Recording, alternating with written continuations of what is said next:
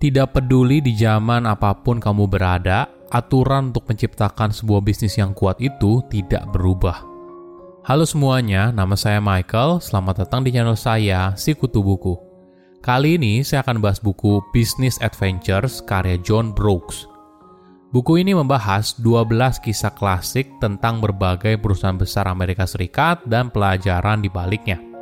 Tidak lama setelah Bill Gates bertemu Warren Buffett pada tahun 1991, Bill bertanya, apa buku favorit Warren soal bisnis?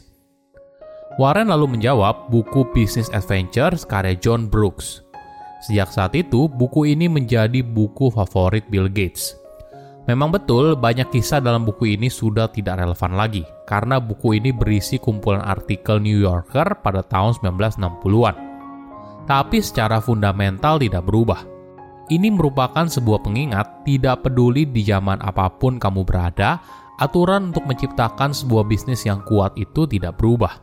Sebagai contoh, pasti ada faktor manusia yang penting di sebuah pasti ada faktor manusia yang penting di dalam setiap bisnis. Tidak peduli apakah kamu punya produk yang sempurna, rencana produksi yang cemerlang, dan strategi marketing yang luar biasa. Kamu tetap butuh orang yang tepat untuk memimpin dan menjalankan rencana tersebut. Ini adalah pelajaran berharga ketika kamu menjalankan sebuah bisnis atau ketika kamu menjadi pemimpin. Penulis banyak bercerita tentang kekuatan dan kelemahan dari seorang pemimpin dalam menghadapi berbagai tantangan bisnis yang muncul di masa mereka menjabat. Sebelum kita mulai, buat kalian yang mau support channel ini agar terus berkarya, caranya gampang banget, kalian cukup klik subscribe dan nyalakan loncengnya. Dukungan kalian membantu banget supaya kita bisa rutin posting dan bersama-sama belajar di channel ini. Saya merangkumnya menjadi tiga hal penting dari buku ini. Apakah manusia rasional? Pada dasarnya, manusia adalah makhluk yang irasional dan emosional. Banyak keputusan yang diambil oleh manusia tidak berdasarkan logika dan pemikiran rasional, tapi sering kali hanya berdasarkan apa yang dirasakannya saat itu. Beberapa orang menyebutnya sebagai intuisi atau suara hati. Tentu saja, tidak semua keputusan berdasarkan logika semata pasti benar. Sama halnya keputusan yang diambil oleh intuisi juga tidak selamanya benar. Ada contoh yang menarik dari kejatuhan pasar saham di Amerika Serikat pada tahun 1962. Jika kamu tidak membaca atau menonton berita pada tanggal 28 hingga 30 Mei 1962, maka kamu mungkin tidak menyadari ada yang berubah dari portofolio investasimu.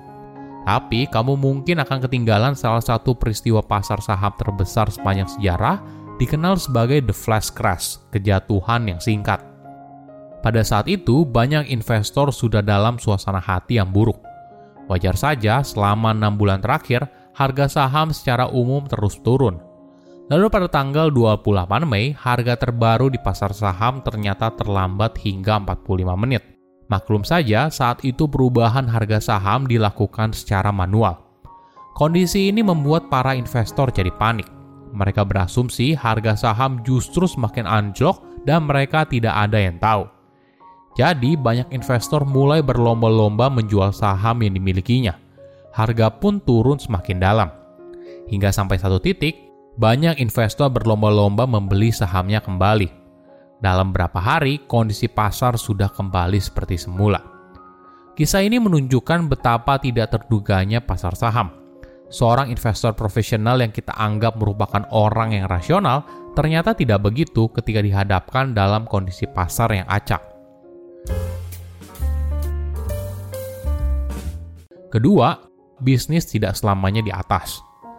Di era sekarang, printer merupakan benda yang umum kita temui, entah di rumah, sekolah, kantor, dan sebagainya. Bahkan seiring berkembangnya zaman, kita mulai beralih ke digital. Tapi pada tahun 1960-an, ada sebuah perusahaan yang dikenal sebagai pelopor fotokopi otomatis bernama Xerox. Saat itu, mesin fotokopi Xerox merupakan mimpi para pebisnis. Mereka ingin punya satu di kantor mereka – setiap orang yang memulai sebuah bisnis biasanya punya satu harapan, mereka tentunya ingin sukses. Tapi kenyataannya sangat sulit untuk keluar dari fase startup lalu beneran menghasilkan profit. Saking sulitnya, banyak sekali perusahaan rintisan yang gagal. Ada beberapa hal penting yang harus dijalankan.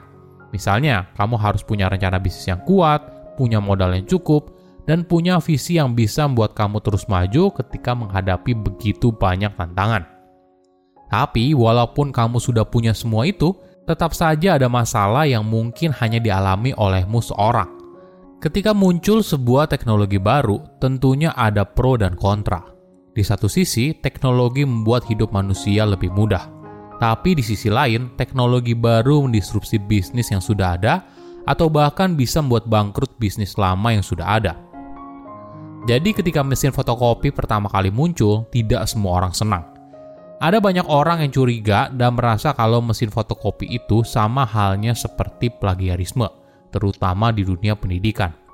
Tambah lagi, mesin fotokopi di tahap awal itu harganya mahal dan sulit dioperasikan. Di tengah begitu banyak tekanan, pendiri Xerox mulai ragu dan merasa apakah ini merupakan kesalahan atau tidak. Bahkan mereka sampai memberitahu teman dan keluarga mereka untuk tidak berinvestasi pada saham Xerox karena takut kehilangan uang. Beruntungnya, Xerox berhasil dan mereka menikmati manisnya.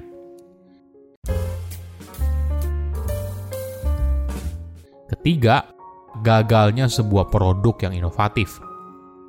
Tahun 1955 sering kali dijuluki sebagai tahun automobil di Amerika Serikat karena bisnis yang sedang melejit bagi produsen mobil. Situasi ini membuat produsen mobil Ford percaya diri untuk meluncurkan tipe mobil baru untuk kelas menengah.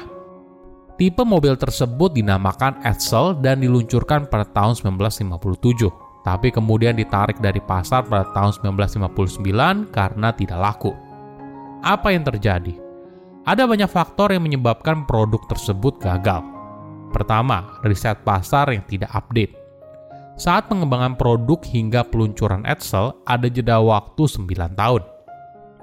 Alasan terbesar karena Perang Korea pada tahun 1950. Jadi ketika Edsel diluncurkan, preferensi konsumen sudah berubah. Mereka tidak suka dengan mobil besar dengan kekuatan yang tinggi. Mereka lebih suka mobil dengan tipe yang compact, lebih kecil dan kekuatan yang lebih rendah. Edsel yang awalnya dipasarkan sebagai produk inovatif malah ketinggalan zaman. Kedua, nama Edsel sendiri berasal dari nama satu-satunya anak laki-laki dari pendiri perusahaan yaitu Henry Ford. Anggota keluarga yang lain awalnya juga tidak merasa kalau itu merupakan nama yang baik. Hingga akhirnya mereka memanggil agensi periklanan untuk menjalankan sebuah riset pasar. Ketika terkumpul 18.000 nama dari berbagai karyawan Ford di seluruh dunia, muncul empat nama kandidat terkuat, Corsair, Citation, Pacer, dan Ranger. Namun pada akhirnya, pimpinan perusahaan menafikan semuanya dan memutuskan untuk menggunakan nama Edsel. Sebagian kegagalan Edsel mungkin bisa disebabkan karena manajemen puncak mengabaikan sebuah penelitian dan memilih opini di atas segalanya – empat nama pilihan dipilih secara sistematis. Ribuan nama telah diurai dan diperiksa secara cermat hingga hanya tersisa empat nama yang paling potensial. Semua pekerjaan itu berakhir sia-sia dalam pertemuan singkat para pemimpin senior di perusahaan. Mereka merasa opini umum mereka lebih unggul daripada pengujian pasar yang ketat. Alhasil, nama Edsel kini identik dengan kegagalan komersial. Silahkan komen di kolom komentar pelajaran apa yang kalian dapat ketika baca buku ini. Selain itu, komen juga mau buku apa lagi yang saya review di video berikutnya. Saya undur diri, jangan lupa subscribe channel YouTube Sikutu Buku. Bye bye.